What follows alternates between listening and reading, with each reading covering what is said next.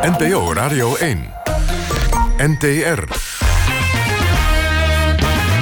Kwesties met Marianne van den Anker en Rob Oudkerk. Radio 1, hartelijk goedenavond en welkom bij weer een nieuwe aflevering van Kwesties, het live debatprogramma van de NTR hier op NPO Radio 1. Waarin wij zoals iedere week actuele en soms brandende kwesties in Nederland bespreken. En u kunt meekijken met ons hier in de mobiele studio via de app of op radio1.nl. Wij staan vanavond in Utrecht op het Sint-Jan Kerkhof om te praten over het draagmoederschap. Sommige mensen willen heel erg graag een kind, maar kunnen dat zelf niet krijgen. Wij hebben vanavond onder andere iemand in de bus die uiteindelijk haar kinderwens heeft vervuld, maar dan wel met behulp van een Amerikaanse draagmoeder.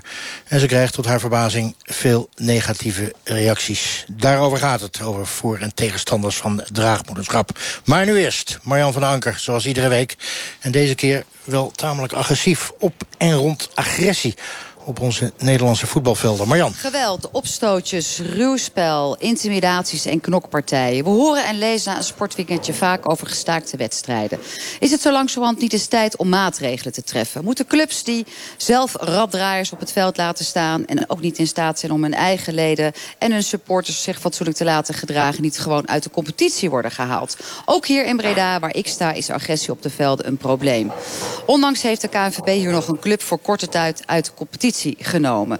En aangaande deze club was er vanmiddag toen wij aankwamen in Breda wederom een incident. Wij hebben daar eerst een filmpje van gezien, dat zag er vrij heftig uit. En volgens hebben wij contact gehad met de voorzitter van de club Right O, waar op dat moment uh, SC Hoge Vught aan het spelen was. En de voorzitter van Right O hoort u nu, Joop de Jong. En hij vertelt wat er vanmiddag is gebeurd. Het was een hele normale wedstrijd, een sportieve wedstrijd. Rijder stond met 2-0 voor. En in de 80ste minuut maakte de keeper van de tegenpartij van Sportclub Hoge die sloeg en schopte naar een speler van Rijto. En die kreeg ook terecht een rode kaart. En op dat moment wordt er van een afstand van ongeveer 50 meter... een discriminerende uh, kreet geroepen door iemand uh, die geen lid is van Rijto. Dat hebben we intussen al vastgesteld. En, en spelers van, uh, een aantal spelers van Hoge Vught hoort dat. En die loopt in de richting van de kantine. En die wilde daar naar binnen om kennelijk wraak te nemen op degene die dat heeft gezegd. En uh, wakkere mensen in de kantine doen de schuifpuit dicht. En een van de spelers van Hoge die trapt dwars door die ruit heen. En loopt daarbij een slagadelijke bloeding op. En op dat moment uh, is het wat gesust, want iedereen schrok daarvan, van de hoeveelheid bloed die uit het been van die jongen kwam. En toen heeft nog een speler van uh, Hoge Vught heeft nog een vuilnisbak over het terras gegooid bij Rijto. Als er uh, geroepen is wat ik gehoord heb van mensen, dan is het inderdaad niet netjes. En dan druk ik me mild uit.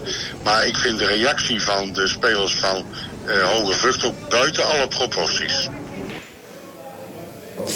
Hassan Lamoe, je bent voorzitter van uh, de sokkerclub Hoge Vught. Hier in Breda. Jullie waren vandaag uit aan het spelen bij de club uh, Right O... waar dit incident gebeurde en plaatsvond. Boven jullie hangt eigenlijk al een soort van zwaard, van Damocles. De KNVB heeft gezegd nog één incident en we gooien jullie uit de competitie.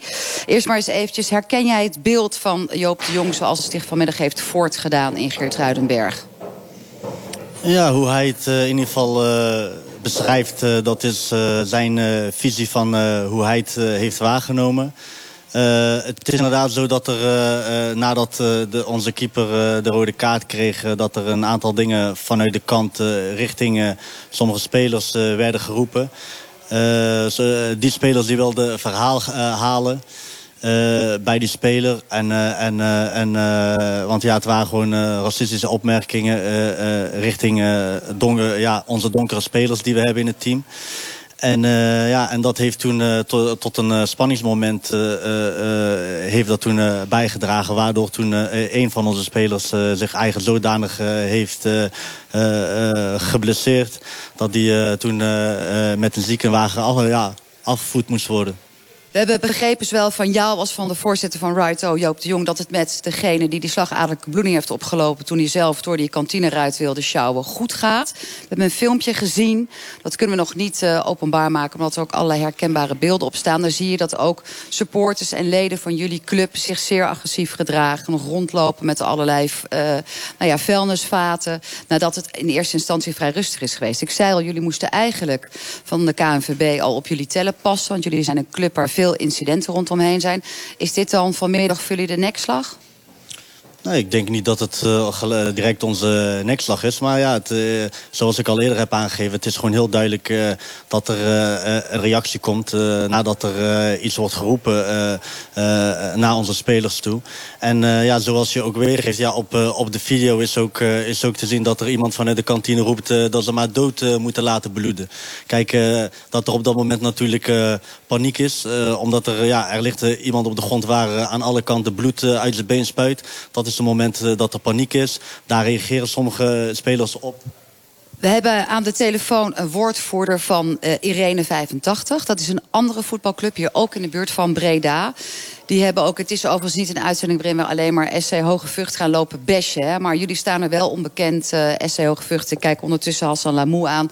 Dat jullie vaak bij opstootjes zijn betrokken. Al sinds 2013 ook wat dat betreft befaamd en berucht zijn hier in de buurt.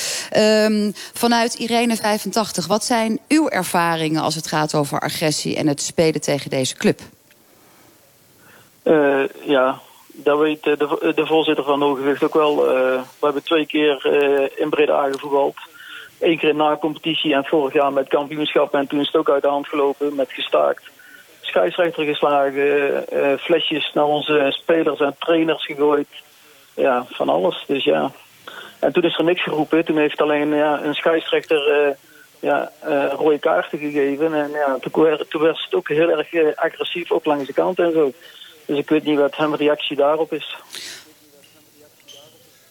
Wat, uh, ja, voordat ik dat ga vragen vanuit Irene 58... kunt u ook aangeven waarom het binnen uw club zo'n ding is... om tegen SC Hoge Vught te spelen? Nou, het is geen ding om tegen Hoge Vught te spelen. Ten eerste, uh, afgelopen jaar had Hoge Vught zelfs een betere ploeg als Irene... en Irene werd kampioen. En ja, ik denk dat ze uh, beter ja, uh, de rij in de hand kunnen houden. Dat ze gewoon een heel, een heel goed team hadden. Beter als Irene misschien. Alleen met alles wat er omheen speelt, ja, loopt het uit de hand. En waarom, ik weet het niet. Dus misschien dat daar de voorzitter uit. Dankjewel. Uh, vanuit uh, Noorwegen hebt u ons te woord gaan. Dank dat u daar mee wil doen. Woordvoerder vanuit Irene 58. Uh, de scheidsrechter die toen bij die wedstrijd aanwezig was... waarover werd gesproken uh, met tussen SC Hoogvucht en Irene 58... die zit hier naast mij, Brian van Geffen. als scheidsrechter vaak te maken met agressie? Gelukkig niet elke week, maar je hebt elke wedstrijd wel een vorm van agressie. Vaak is het emotie, dus dan wacht je even, laat je de emotie even gaan... en dan kun je daarna gewoon weer op een fatsoenlijke manier met elkaar verder. Maar je hebt altijd wel een moment dat ze het niet met je eens zijn... en dat je een weerstand krijgt. Maar echt slaan, schoppen en uh, uh, dat soort dingen... dat gebeurt niet wekelijks natuurlijk. Nou, is het ook zo dat uh, SC Hogevucht ook nou ja, bijna een aantal scheidsrechters bekend staat als een club van oeps, dat kan nogal uit de hand lopen. Wat vind jij de rol van een scheidsrechter voor het in goede banen leiden en het beteugelen van agressie? We hebben het hier over, over amateurwedstrijden, zo in de weekenden.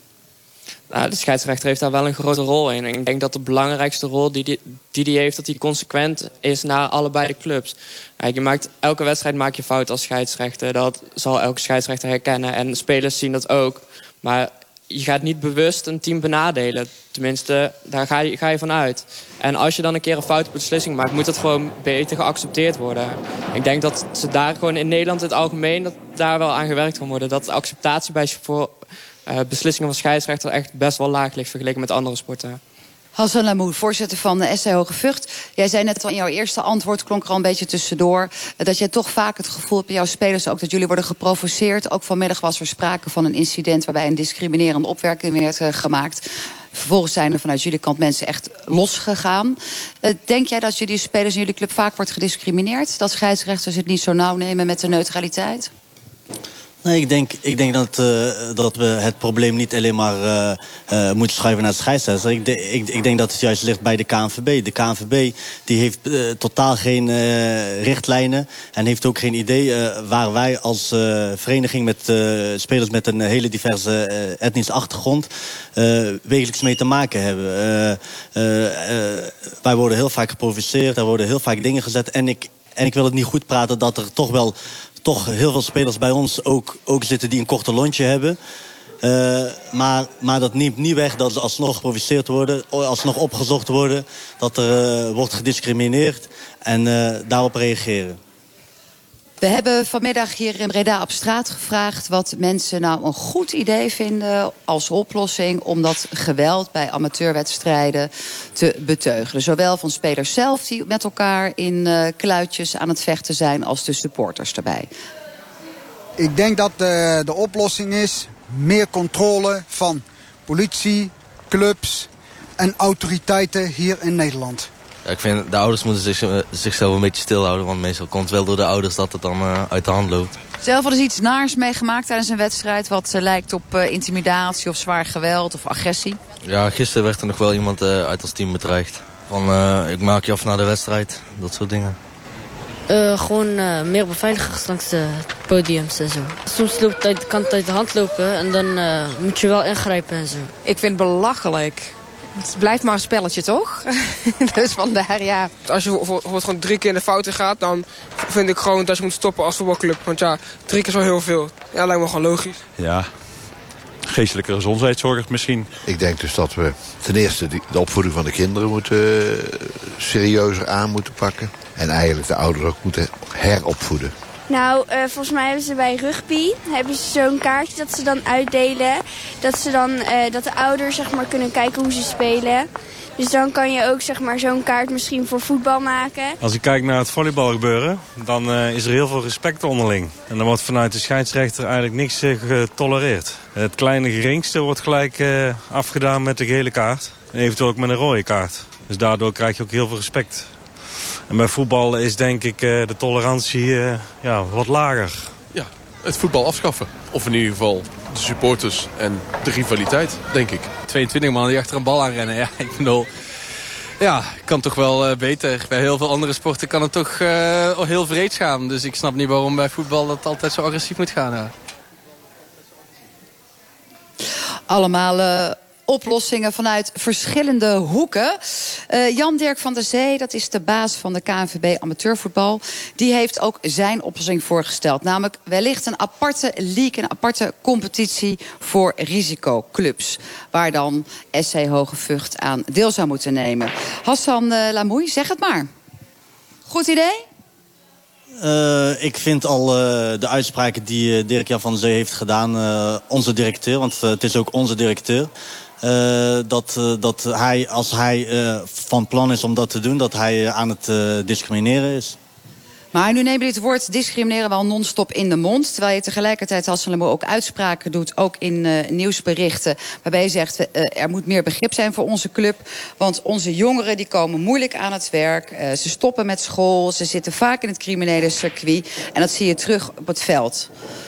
Nou, dat is natuurlijk ook een stevige uitspraak. En andere, zeg maar, normale mensen, die moeten daar maar mee omgaan. En vanaf 2013 is het al raakt. Er is gedoe met geld. Uh, burgemeester blijft ook al een aantal keer gewaarschuwd voor een vreemd geld in voetbalclubs. Niet direct aan jullie gerelateerd, maar wel in het kader van de ondermijning. Dan ben je toch zo langzamerhand een risicoclub. Als het altijd maar verkeerd gaat. En clubs uit de omgeving zeggen het is niet fijn. Ook de scheidsrechter zegt het is niet plezierig voetballen met jullie. Dan moet je toch op een gegeven moment of uit de competitie of een aparte competitie. Nee, uh, nee, dat vind ik niet. Ik denk uh, dat wij als vereniging uh, in de wijk waarin we zitten... in de samenstellingen die we hebben... dat het ja, inderdaad, dat het de uitspraken die ik toen heb gedaan... daar sta ik nog steeds achter. Het zijn jongens ook die het gewoon moeilijk hebben. en sommige van de jongens die, die zitten dan bij onze vereniging. Ja, u zegt zelf zitten in het criminele circuit. En jongens die dat niet zitten, moeten daartegen uh, spelen. Gewoon normaal een spelletje en dan loopt het uit de hand. Nee, ik, ik, ik heb niet gezegd dat ze in de, in de criminele circuit zitten. Maar ik zeg de kans is groot dat ze in aanraking komen met de, in de criminele circuit. Dus, uh, dus uh, dan, dan is dat een een, een, hele andere dingen van, van de uitspraak die ik heb gedaan. dus die kans is er nog steeds dat in aanraking komen met de criminele circuit. En dat proberen we te voorkomen. Is de aparte competitie nu een goed idee volgens jou of niet, Hassan Lamou? Nee, het is geen goed idee, uh, zoals ik al eerder heb gezegd. En uh, uh, ik vind ook niet dat ze ons, of ons en andere verenigingen dan in een hokje moeten plaatsen. Maar wij moeten gewoon mee kunnen doen met de reguliere competities die de KNVB heeft. Is er dan nooit wat jou betreft een moment dat je als voetbalclub... een keer granadas op je lazer kunt krijgen als het altijd fout is? Desnoods royement. Ja, zeker wel. Ik denk, ik denk als jij als vereniging geen medewerking verleent aan uh, aan de KNVB. En, en ook al is er dan onderzoek vanuit de politie... en jij verleent ook geen onderzoek daaraan... en je wilt niet meewerken en, en, en de organisatie klopt van geen kanten... dan vind ik dat inderdaad zo. Maar, maar daar is op dit moment helemaal geen sprake van. En ook nooit geweest. Brian van Geffen, dat idee wat uh, is opgeworpen in een column door uh, Jan-Dirk van der Zee... de baas van uh, KNVB Amateurvoetbal voor een aparte competitie voor risicoclubs. Is dat een goed idee volgens jou vanuit scheidsrechtersperspectief? Ik denk zeker niet dat dat de oplossing is. het is altijd al lastig als je een risicowedstrijd hebt waar de belangen groot zijn... Als je dan ook nog twee teams tegenover elkaar hebt staan... die een naam hebben met agressie en geweld... dan denk ik dat er vrij weinig scheidsrechters zijn die daar nog met plezier naartoe gaan. En ik denk dat je dan ook uh, zo, ja, de clubs er niet mee goed doet. En dat je ook nog als KVB scheidsrechters gaat verliezen. Omdat ze uh, ja, geen lol meer hebben in wat ze doen. Nou hoorden we een aantal mensen op straat ook gewoon zeggen... het komt ook door ouders. Dan weten we dat de amateurvoetbal niet alleen maar gaat over minderjarige kinderen... maar ook gewoon uh, volwassenen zelf. Um, ja, hoe kijk jij daar tegenaan? De rol van supporters, de rol van coaches. Want scheidsrechter is maar één iemand die natuurlijk op het moment zelf kan bepalen hoe het loopt. Ja, eh, supporters en mensen langs de lijn hebben altijd hun eigen mening. En het nadeel daarvan is dat die altijd uh, uh, heel subjectief is. Als scheidsrechter kijk je natuurlijk objectief naar je beslissingen. En ja, soms moet je daar even over nadenken. Dan duurt het iets langer voor je een beslissing neemt. Terwijl als je daar uh, als uh, supporter staat... dan wil je natuurlijk de beslissing altijd in je voordeel van je club. Dus je wordt altijd van alle kanten bes uh, bestookt met de opmerkingen. Maar wat ik het meest kwalijk vind... is dat ze dan gaan inspraten op spelers en zo. En dus daar eigenlijk hun eigen frustratie over gaan brengen... op de spelers in het veld. En dat is gewoon ja, niet nodig. Maar je hebt dan op dat moment natuurlijk geen tijd als scheidsrechter... om dat ook nog eventjes te fixen. Nee, ja, dat is de verantwoordelijkheid van de club. De verantwoordelijkheid die de club moet nemen.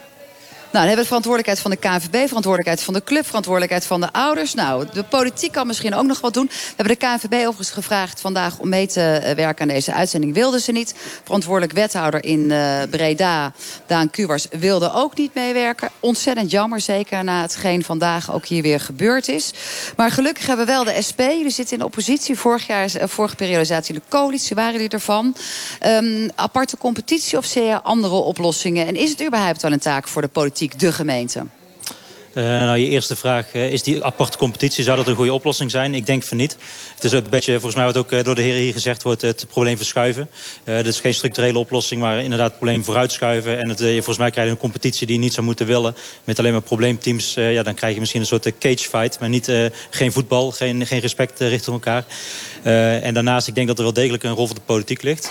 in dit specifieke geval voor FC, SC Hogevucht. nou, de, de, de, club staat op het punt te verhuizen naar een nieuw sportpark. Waar ze samen met een andere club gehuisvest gaan worden. Er moet een nieuwe kantine gebouwd worden voor SC Hogevucht. dus er gaat, de gemeente gaat investeren in de club. Ik denk dat dit, dit het moment is, voor de, voor de, zeker voor de wethouder. Het bevreemdt mij om eisen te stellen. Om eisen te stellen, om in gesprek te gaan en om te kijken of inderdaad, inderdaad het incident van vandaag... of er überhaupt nog wel toekomst is voor deze club. En ik zou het jammer vinden als het, als het ophoudt. Maar als het ophoudt, dan moeten we daar natuurlijk als gemeente op dit moment ook geen geld in gaan steken.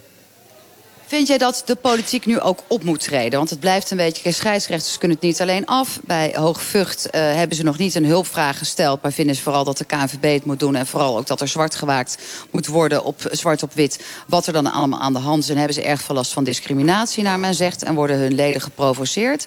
Is er dan niet toch tijd voor de politiek om wat steviger op te treden... dan alleen maar het stellen van eisen bij een subsidie? Dat is ook een beetje slapjes. Nou, ik denk wat, wat een oplossing zou kunnen zijn... en of dat uh, de politiek is, dat is even uh, de vraag... maar dat er aan aan, de, aan eh, de lijn, zeg maar. Dat er, wordt, eh, dat er eh, toezicht is. Bijvoorbeeld stewards, zoals het nu ook gewerkt wordt.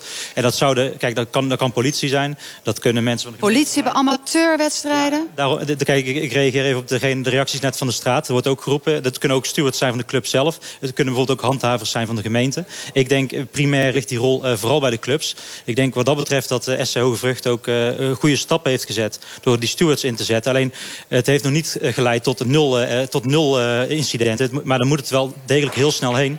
Want eh, ja, de, tijd, de vraag is of de tijd eh, die nodig is om eh SC Hoge weer naar nul incidenten te krijgen... of ze die ook gegund is door de KNVB. Assalamoy, het laatste woord eh, is aan jou. Jullie hebben als stewards ingezet. Een flink aantal van jullie leden is ook al, het geldt over zijn landelijke regeling... betrokken bij haltstraffen die dan worden opgelegd. gaat zo'n 130.000 euro belastinggeld in om. Waar kinderen die zich misdragen nog vanuit een haltstraf tot de orde worden geroepen. Wat gaan jullie zelf doen zodat dit nooit meer voorkomt, Hassan? Ja, wij, eh, wij hebben al onze maatregelen genomen natuurlijk. Eh, kijk, eh, de leden die we hebben, daar proberen we natuurlijk... die een korte lunch hebben, proberen we de lunch wat langer te maken. Wij praten heel goed met onze leden. Wij zetten ook bijvoorbeeld natuurlijk de stewards in bij, bij de wedstrijden van onze eerste... Dat is kennelijk niet genoeg, want Bas zegt misschien moet er wel politie of handhaving bij komen. Is dat dan een oplossing? Nee, nee, ik denk, ik denk dat dat niet eh, de oplossing is. Kijk, daarin hebben wij natuurlijk wel eh, eh, een grote rol in. Eh, maar ja, aan de andere kant natuurlijk is er ook wel een eh groot maatschappelijke probleem... en die we niet alleen eh, zelf kunnen oplossen. En daar, en daar hebben we wel de KNVB en de, en de politiek en noem maar op voor nodig. En die vraag die hebben we vaak gesteld. Alleen, alleen ja, iedereen die wijst naar elkaar. En dat is het probleem waar we... Ja. Nou, tot zover, waarbij jij ook wel vaak wijst naar discriminatie. En dat is ook iets wat natuurlijk moet worden onderzocht... want discriminatie is absoluut uit den boze. Dank vanuit Breda aan Joop de Jong... de voorzitter van Right O, Hassan Lamou... de bestuursvoorzitter van SC Hoge Vught... Brian van Geffen, KNVB scheidsrechter, overigens 18 jaar oud... en al zoveel verantwoordelijkheden genomen de afgelopen periode. Bas Maas vanuit de SP en natuurlijk de woordvoerder van Irene 58. Wij volgen het hier eh, op de voet en komen terug zodra hier veranderingen zijn. Dankjewel Marianne vanuit Breda. Ik heb met stijgende verbazing zitten luisteren. Wij staan in Utrecht met de NPO-bus van Radio 1. Met de vraag, hoe ver mag je gaan om een kind te krijgen? Voor sommige ouders in Nederland is het erg lastig om een kind te krijgen. En die zoeken soms een draagmoeder. Nou is commercieel draagmoederschap in Nederland verboden. Volgens recent onderzoek vindt de meerderheid van Nederlanders... dat er een draagmoederbank zou moeten komen in Nederland. Is dat een goed idee of niet? Oftewel, is het tijd om commercieel draagmoederschap te legaliseren? Hier bij mij vanavond in de bus voor- en tegenstanders van draagmoederschap. Joke Wilking, je hebt je dochter via een Amerikaanse draagmoeder gekregen. Ja, precies. Hoe groot was je kinderwens? Groot. En hoe groot is het? Groot, want we Heel zijn naar, eh, naar Amerika afgereisd... om eh, inderdaad via draagmoederschap een, hele, een Amerikaanse draagmoeder een, eh, een kind te krijgen, inderdaad. En nou denk ik, waarom helemaal naar Amerika? Waarom niet hier? Omdat dat niet mogelijk was.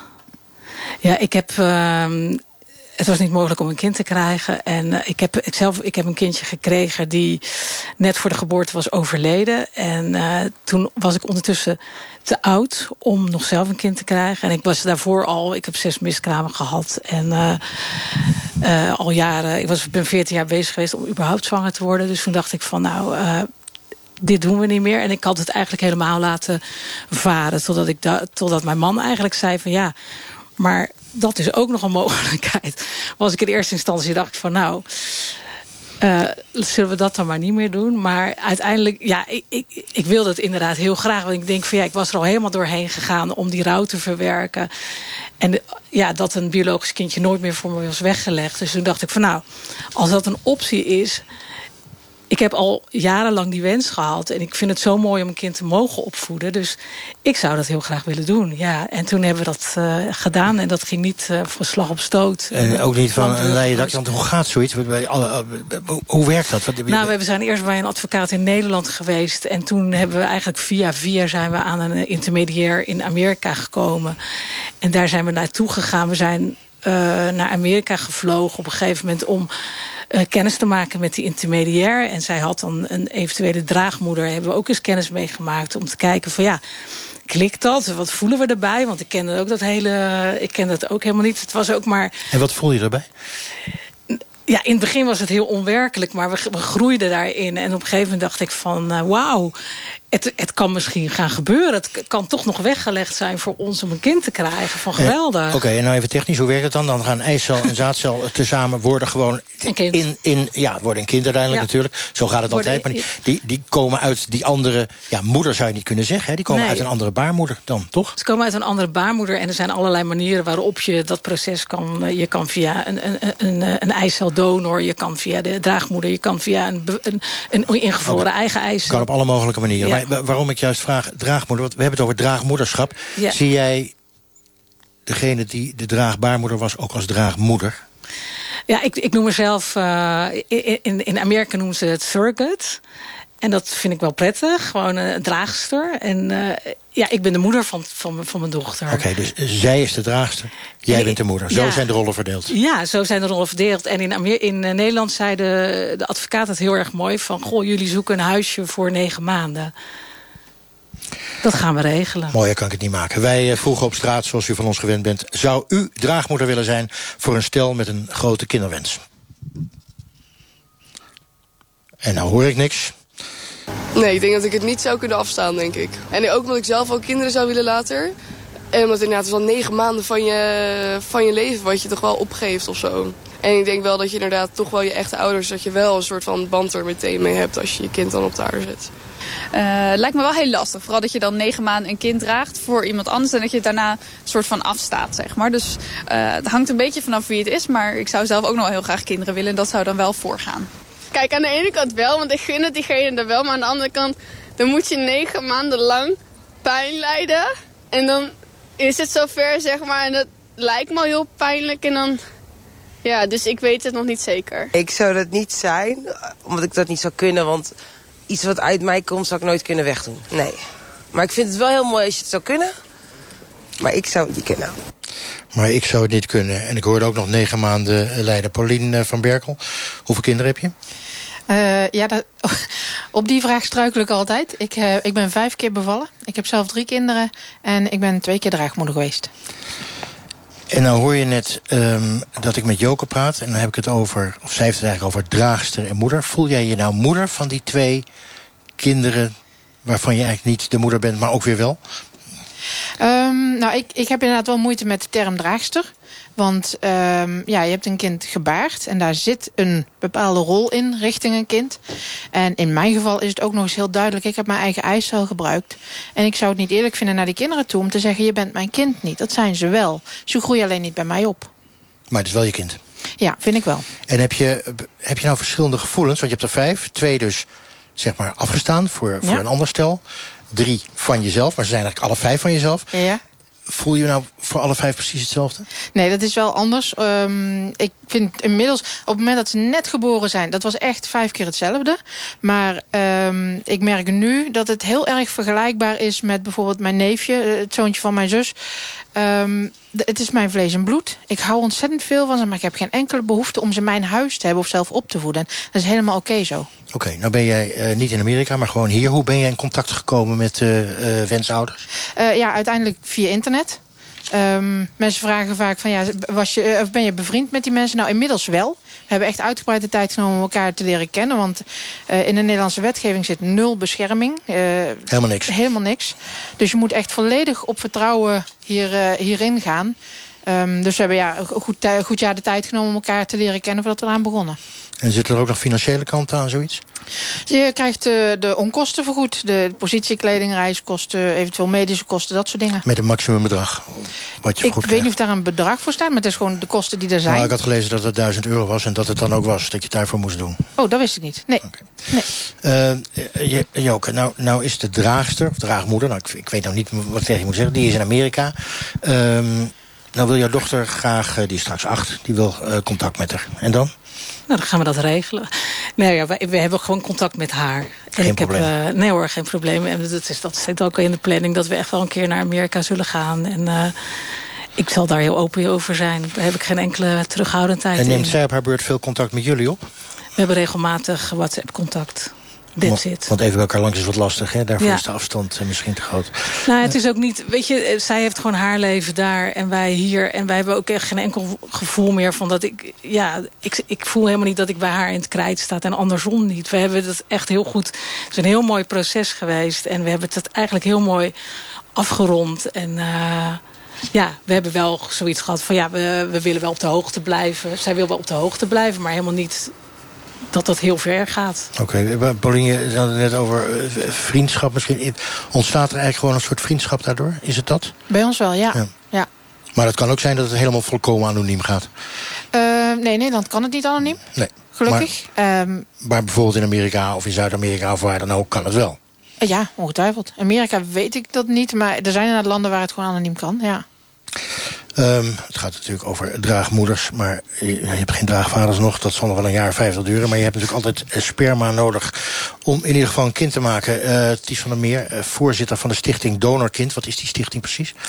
Stichting Donorkind is een organisatie opgezet door donorkinderen en enkele donoren zelf.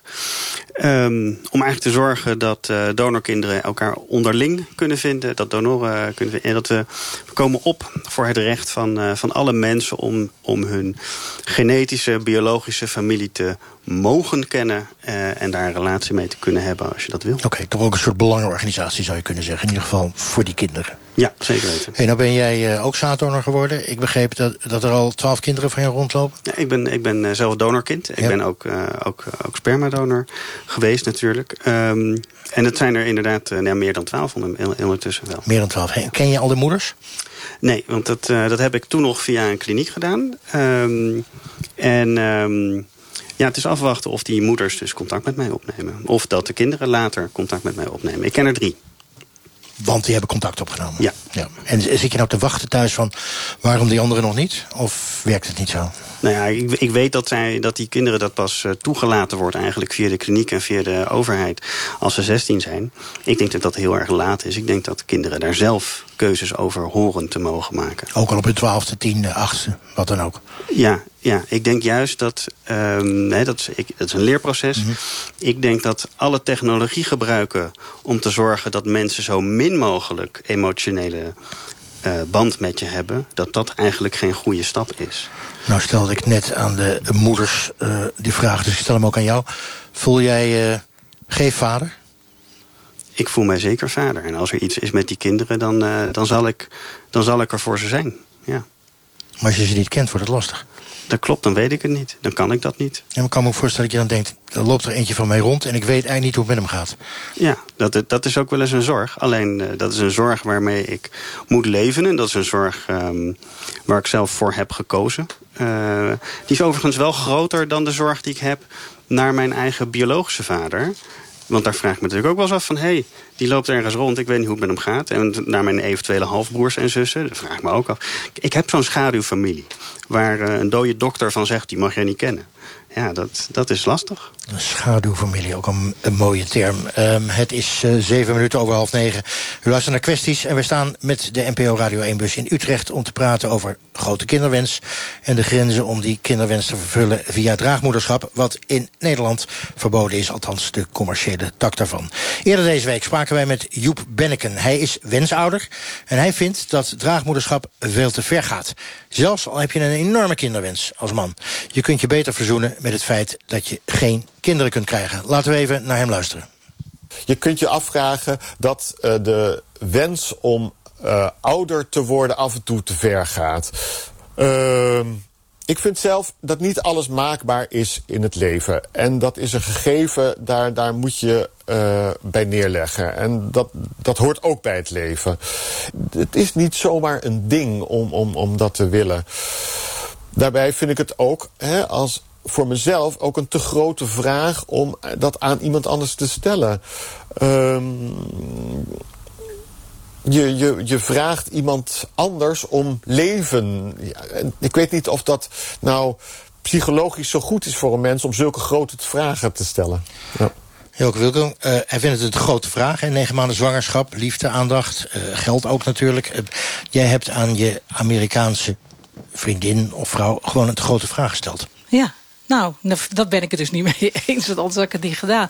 En het was ook niet de vraag, want zij heeft zichzelf aangemeld... zeg maar, bij, zo'n uh, bij die intermediair, dat ze... Zij wilde dat heel graag, want zij zag in haar uh, vriendenkring... homoseksuele stellen die dus heel graag een, kind wilden krijgen. En zij zag de struggle en de worsteling van dat die mensen dus... Zij wilde heel graag voor wat voor die mensen doen, want zij was zelf makkelijk zwanger geworden... en, had zoiets van, ja, ik wilde het gewoon heel graag... Uh, wat voor iemand kunnen betekenen. Dus ik zie het ook... Ik, weet je, dat, dat, dat, hoor ik wel vaker van... ja, mensen, mensen die op die manier een kind krijgen... die vinden dat ze recht hebben op een kind. Ik denk, ja, ik heb geen recht op een kind. Maar ik heb wel recht om een geluk na te streven... of om mijn wensen het serieus te nemen, mijn hart te volgen. En dat is bij jou gegaan via ja. draagmoederschap. Jaren de Witte van Defence for Children... Uh, tegen draagmoederschap, begreep ik niet per se tegen, zo kan ik dat niet zeggen. Maar er zijn een aantal kinderrechten die uh, hier van toepassing op zijn. Uh, fundamentele mensenrechten. Uh, dat is het recht om te weten van wie je afstamt. wie je ouders zijn. Zoveel mogelijk door hen te worden verzorgd. Of hen dus in ieder geval te kennen. Een ander belangrijk recht is het recht op identiteit. En daar hoort ook het recht op ontstaansgeschiedenis bij. Daar is ook al jurisprudentie over. In geval van donorkinderen en adoptiekinderen. Dus hoe ben ik ontstaan. En tenslotte, en dat is relevant ook bij commercieel draag draagmoederschap... is het recht om niet verkocht te worden voor welk doel dan ook. Dus niet alleen voor prostitutie of voor arbeid of voor organen... maar ook niet voor bijvoorbeeld adoptie. Maar de, je zegt ik ben niet uh, uh, principieel tegen... maar als ik het allemaal zo hoor, denk ik... je kan niet voor zijn. Uh, nou, de ethische discussie inderdaad over... als we dit gaan vormgeven in Nederland of gaan, gaan regelen, gaan reguleren... dan is daar nog een hele belangrijke ethische discussie over te voeren. En deze, uh, deze paar rechten die ik net noemde... die komen al snel in de knel. Joke?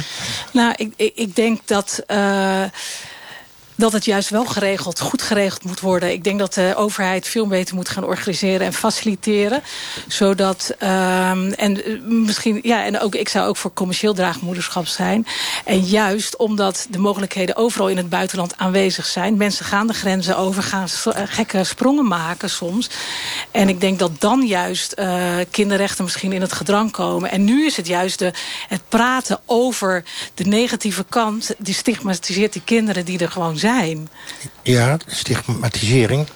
Nee, voor mij is het niet zo dat we kinderen ermee stigmatiseren. Het gaat erom dat uh, de kinderen die hieruit voortkomen... die hebben bepaalde rechten en die moeten we respecteren. Dus zij mogen inderdaad hun kind of hun ouders laten kennen. Welke ouders dan ook. De genetische, de draagouders.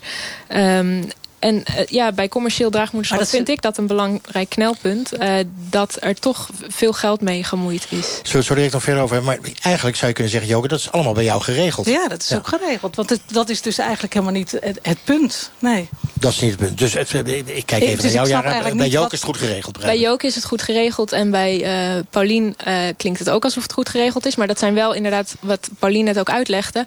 persoonlijke afspraken. En bij Joke ook, wij hebben een vriendschap opgebouwd. We whatsappen. Maar inderdaad, het is nog niet geregeld. Dus als, als uh, jullie ge gebrouilleerd zouden raken... Uh, dan is er een probleem. Of als het contact wegvalt in het geval van Joke. Dus het, het is inderdaad niet gereguleerd. Daarom... En daarom denk ik dus juist dat de overheid dit zou moeten, goed moeten gaan faciliteren. De Nederlandse overheid? De Nederlandse overheid. En legaliseren en het veel breder moeten trekken. Ties, ties van ja, ik denk juist daarom uh, moet, moet je dus eigenlijk, als je dit gaat doen... moet je beseffen dat je een levenslange band met elkaar krijgt. Je wordt familie van elkaar. En als we het gaan commercialiseren, dan krijg je, krijg je echt hele rare zaken. Ik was een keertje in, in, in Rome om te spreken over, over uh, uh, sperma- en eiceldonatie. En ik werd later aangesproken door een, door een, door een dokter. Die zei, vrouw, en die zei... je had het bij eiceldonatie over, over de biologische moeder. Dat klopt niet, want degene die het heeft gedragen is de biologische moeder. Zij heeft iets biologisch gedaan. En de eicel, dat is de genetische moeder. Um, maar een draagmoeder is dus de biologische moeder. Um, ik, op, op die manier gaan we het super complex maken. Laten we gewoon accepteren dat al die mensen bij elkaar horen... en dat als je allemaal gekoppeld bent aan zo'n kind... dan ben je dus familie van elkaar. En dan heb je iets te doen met elkaar. Dat moeten we niet in contract allemaal willen vatten. Je bent, ja, je bent eigenlijk een soort van getrouwd. Je zegt, ik kies voor de romantische kant en niet voor de juridische kant. We hebben het ook op straat gevraagd. Moet draagmoederschap mogelijk worden in Nederland? Absoluut, ja. Helemaal mee eens. Als, als jij daarachter staat en je kan iemand anders een gezinnetje geven... waarom zou je dat iemand niet gunnen? En waarom zou iemand het niet mogen doen als diegene er ook achter staat? Zolang het kind altijd kan achterhalen wie de draagmoeder is... en er hele goede afspraken gemaakt worden, kan ik me daarin vinden. Niet mee eens. Uh, ik vind dat, uh, dat daar goed naar gekeken moet worden of je dan inderdaad uh, daarvoor in aanmerking komt, ja of nee. Dus niet zomaar klakkeloos daarmee instemmen. Ja, het is gewoon je eigen keus. Dus hetzelfde als je je kind weg wil laten halen, vind ik. Dat is ook je eigen keus. Als iemand dat zelf wil doen, dan denk ik dat wie ben ik om daar ja of nee over te zeggen. Ik ben het mee eens, omdat ja, weet je, iedereen moet gewoon doen waar ze zelf zin in hebben we leven in een land van vrijheid van meningsuiting. Dus waarom niet ook uh, iemand in zijn waarde laten en laten doen wat hij wilt? U luistert naar kwesties. We hebben het over draagmoederschap. En met name moet commercieel draagmoederschap mogelijk worden in Nederland. Dus uh, om het maar even zo te zeggen.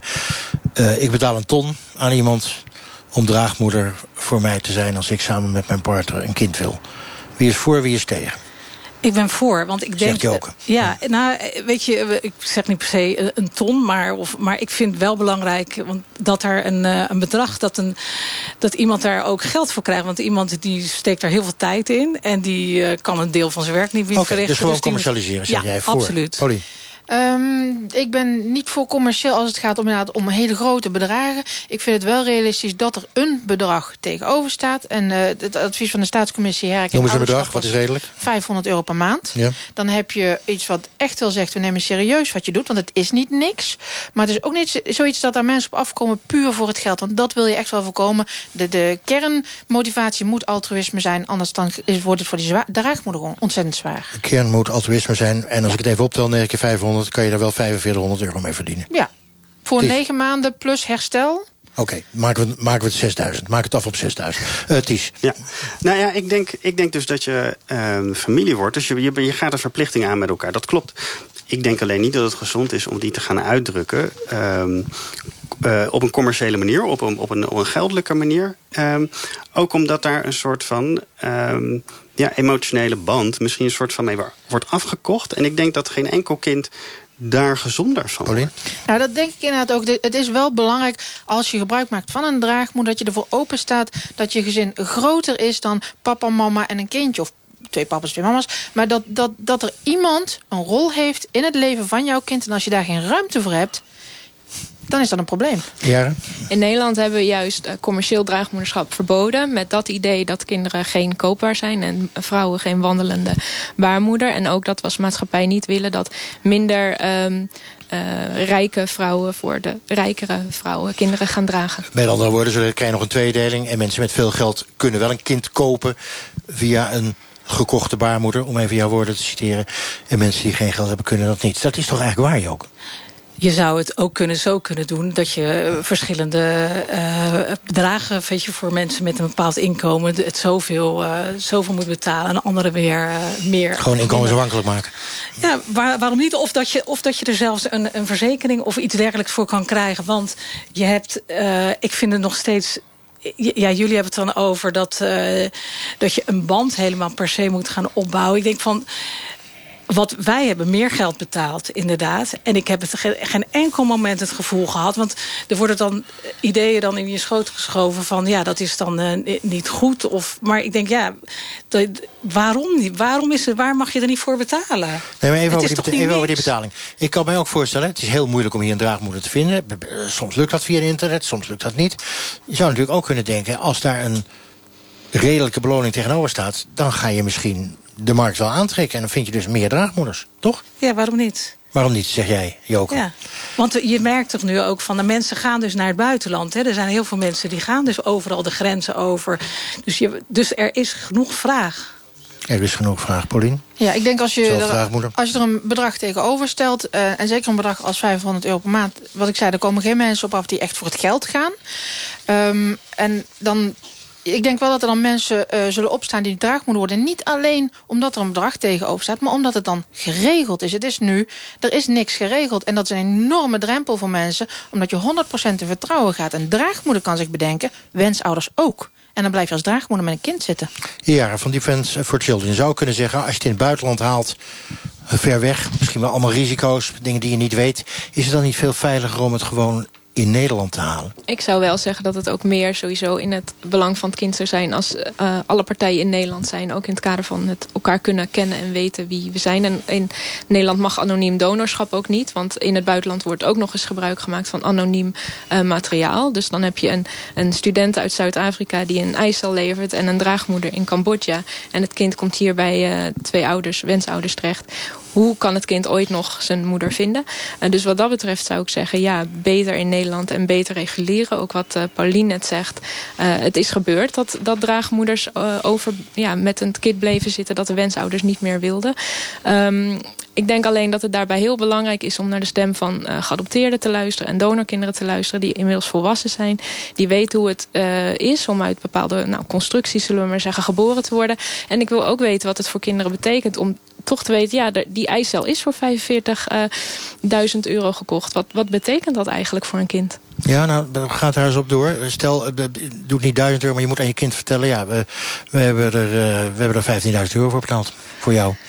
Ik weet van uh, interlandelijk geadopteerden... dat sommigen er heel erg veel moeite mee hebben dat ze zijn gekocht. En anderen niet. En zo weet ik ook bij donorkinderen dat sommigen zeggen... nou ja, dit is mijn sociale familie. Ik vind het helemaal prima. Maar ik ken ook donorkinderen die er erg veel moeite mee hebben. Joke, hoe, hoe zou dat zijn? Ik bedoel, je hebt ook veel geld aan uitgegeven, neem ik aan allemaal zelf moeten betalen. Ja, ja. zeker. Ja, ik, ik heb er geen moeite mee om dat haar dat uiteindelijk uh, te gaan vertellen. Want ik denk nog steeds van ja, hoe mooi is het dat je leven hebt uh, kunnen schenken, en dat maken. Is, en ja, dat daar gaat het, om allemaal. Ja.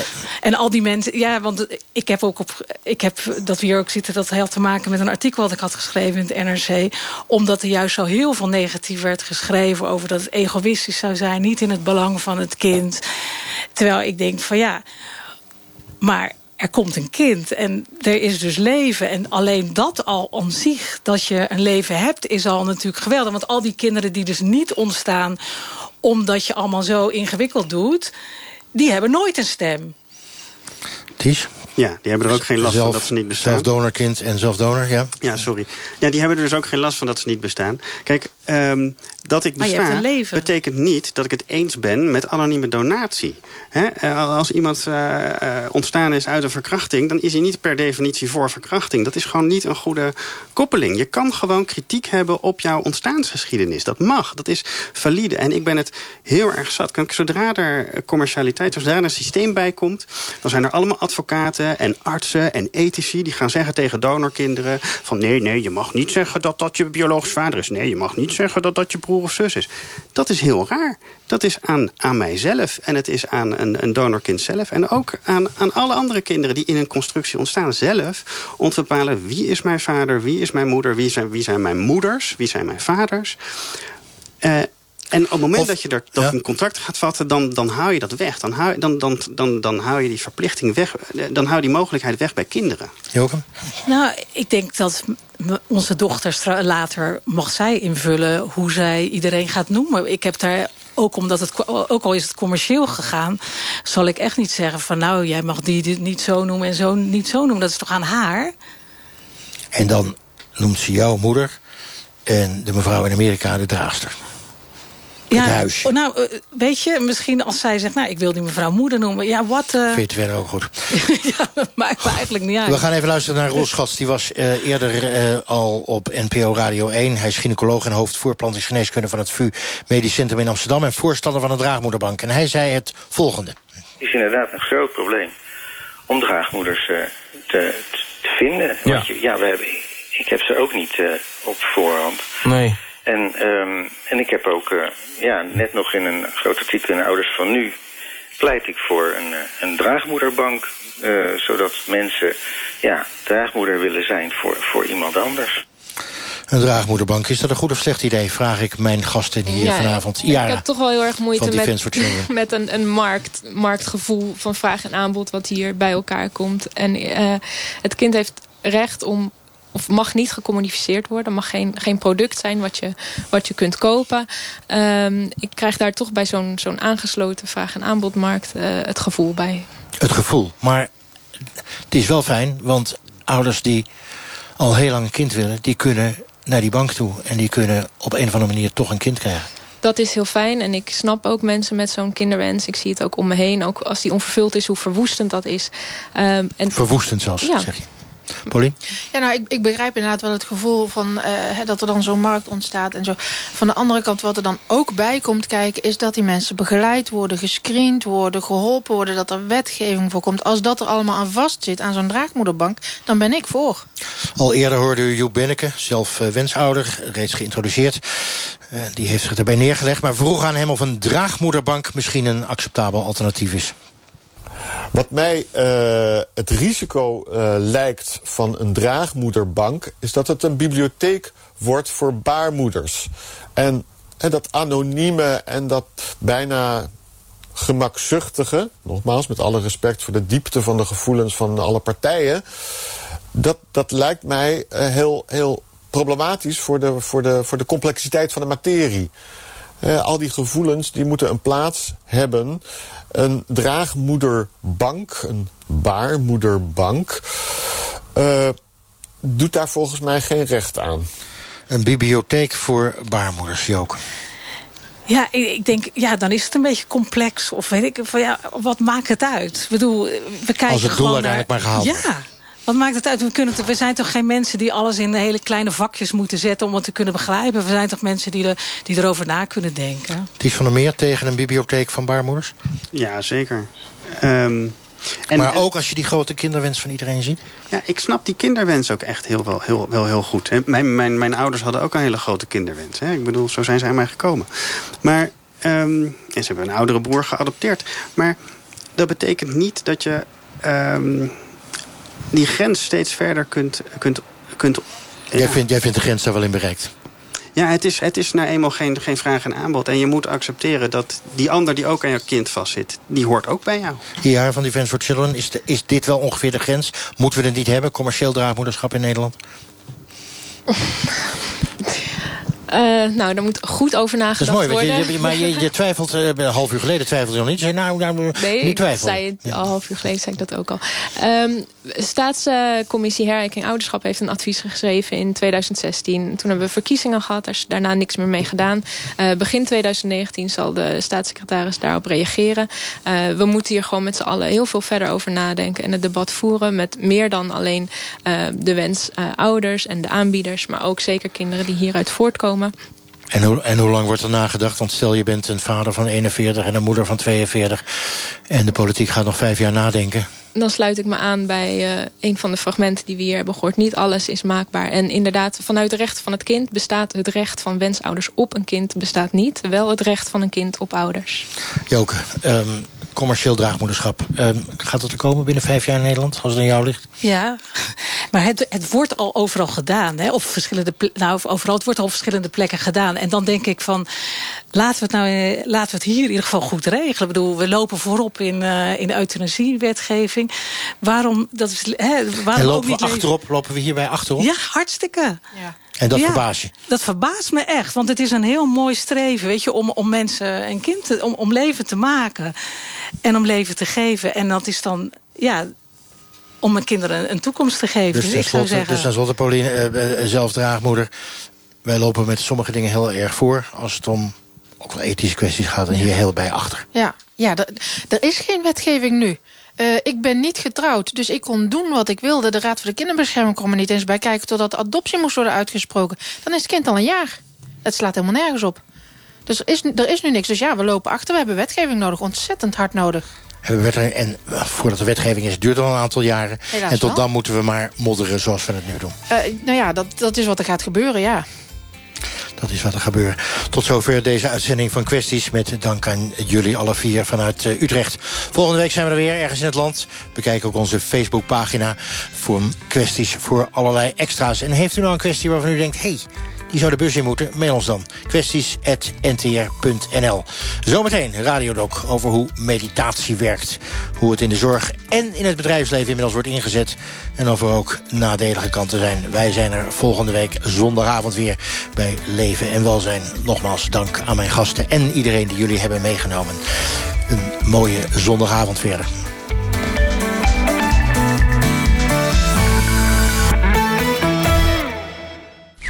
NPO Radio 1. Hier Hilversum Holland. Abonneer je op de podcast Hallo hier Hilversum. Hallo, hallo, hier Hilversum, hier de radio. Krijg elke week een mooi verhaal over de rijke geschiedenis van 100 jaar radio. Door Vincent Bijlo en Ger Jochems. Uw vinding brengt in een menig huis geluk en harmonie. Een audioreis van Paulus de Boskabouter langs Ron Flon Flon, de arbeidsvitamine en Candlelight tot GBJ Hilterman en andere legendarische radioprogramma's. Zoek op Podcast Radio 1 en neem een gratis abonnement. Hier Hilversum Holland.